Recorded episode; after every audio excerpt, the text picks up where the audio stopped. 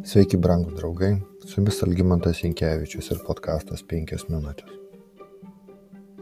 Saliamonas yra parašęs, vargas tau šalyje, kai tavo karalius yra jaunuolis.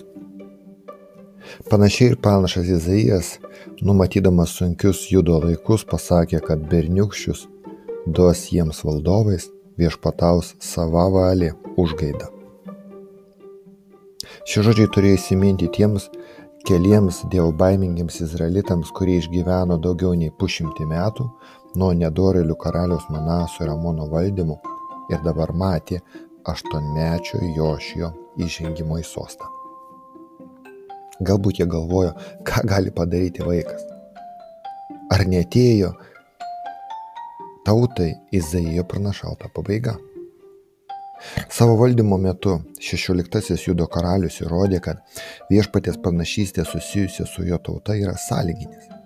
Ir jei Jošijas savo valdymo metu būtų sekęs savo tėvo ir senelio keliais, tai Babilono nelaisvė būtų nutikusi jau jo gyvenimo metu. Bet kaip sakė pranašė Hulda, šios nelaimės neįvyks valdant Jošijai, nes jis nusižemino prieš Dievą. Antroje metraščių knygoje 34 skyriuje skaitome. Jošijos buvo 8 metų, kai tapo karaliumi ir karaliavo Jeruzalėje 31 metus. Jis darė, kas dora viešpatės akise ir ėjo savo protėjo dojodo pėdomis, nenukrydamas nei į dešinę, nei į kairę. Aštuntais savo karaliavimo metais, dar jaunuolis tebe būdamas, jis pradėjo ieškoti savo tėvo Dovido dievo, o dvyliktais metais pradėjo valyti iš Judo ir Jeruzalės aukštumų alkus, šventuosius stulpus ir droštus bei lietus stabus. Jam prižiūrint buvo sugriauti balo aukurai, sutrupinti ant jų stovintis smilkalų aukurai. Šventieji stulpai ir drošti bei lėdinti stabai buvo sudaužyti, sutrinti į dulkes ir išbarstyti ant kapų žmonių atnašavusių jiems aukas.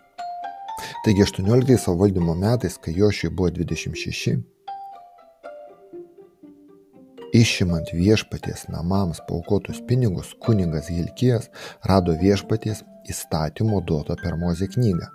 Tada Šafanas iš jos perskaitė karaliui. Išgirdęs įstatymo žodžius, karalius persiplėšė drabužius, nes matė, kaip jų gyvenimas skiriasi nuo to, kas ten parašyta.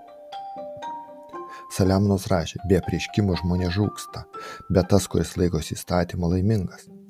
Dievo planas Izraeliui buvo toks, kad kartą per septynius metus, palapinių šventės metu visi žmonės, vyrai, moteris ir vaikai rinkdavosi Jeruzalėje ir klausydavosi skaitomos penkiaknygės, kad jie išmoktų bijoti viešpatės ir vykdytų visus įstatymo žodžius. Tačiau Manaso ir Amono laikais tiek ši tvarka, tiek pati įstatymo knyga buvo užmiršti.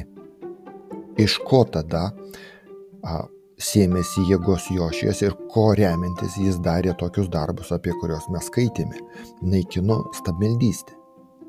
Tikrai nuostabu, kad būtent Jošijas užaugęs nedieviškoje aplinkoje nusprendžia siekti dievų.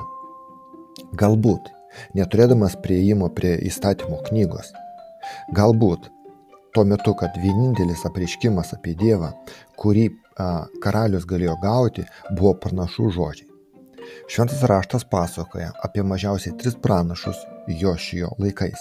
Pranešė Hulda, pranašas Jeremijas, kuris pradėjo pranašauti, kai Jošijui buvo 21 metai, ir pranašas Safonija, kuris karaliaus giminaitis išpranašavo Jeruzalės sunaikinimą.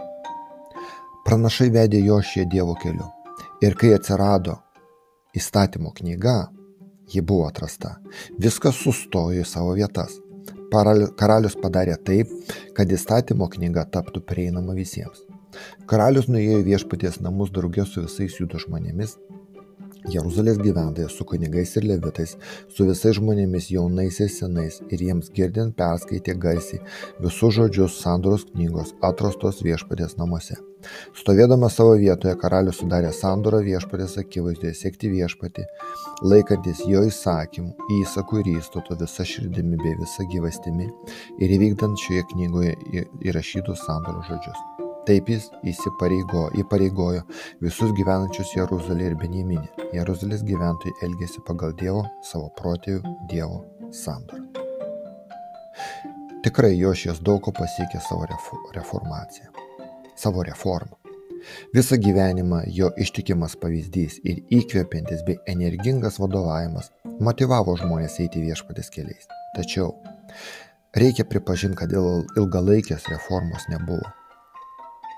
Blogis buvo taip giliai įsišaknyję žmonių gyvenime, kad jie susilaikė nuo atviro atsimetimo tik tol, kol pats karalius rodė jiems tinkamą pavyzdį. Viešpas kalbėjo per Jeremiją. Judas negrįžo pas Dievą visą širdimi, o tik apsimetęs. Jeremijo trečias skyrius. Todėl, brangus draugai, Judo liūdna pabaiga buvo tik, buvo tik laiko klausimas. Su jumis buvo penkios minutės ir Algymantas Jankievičius.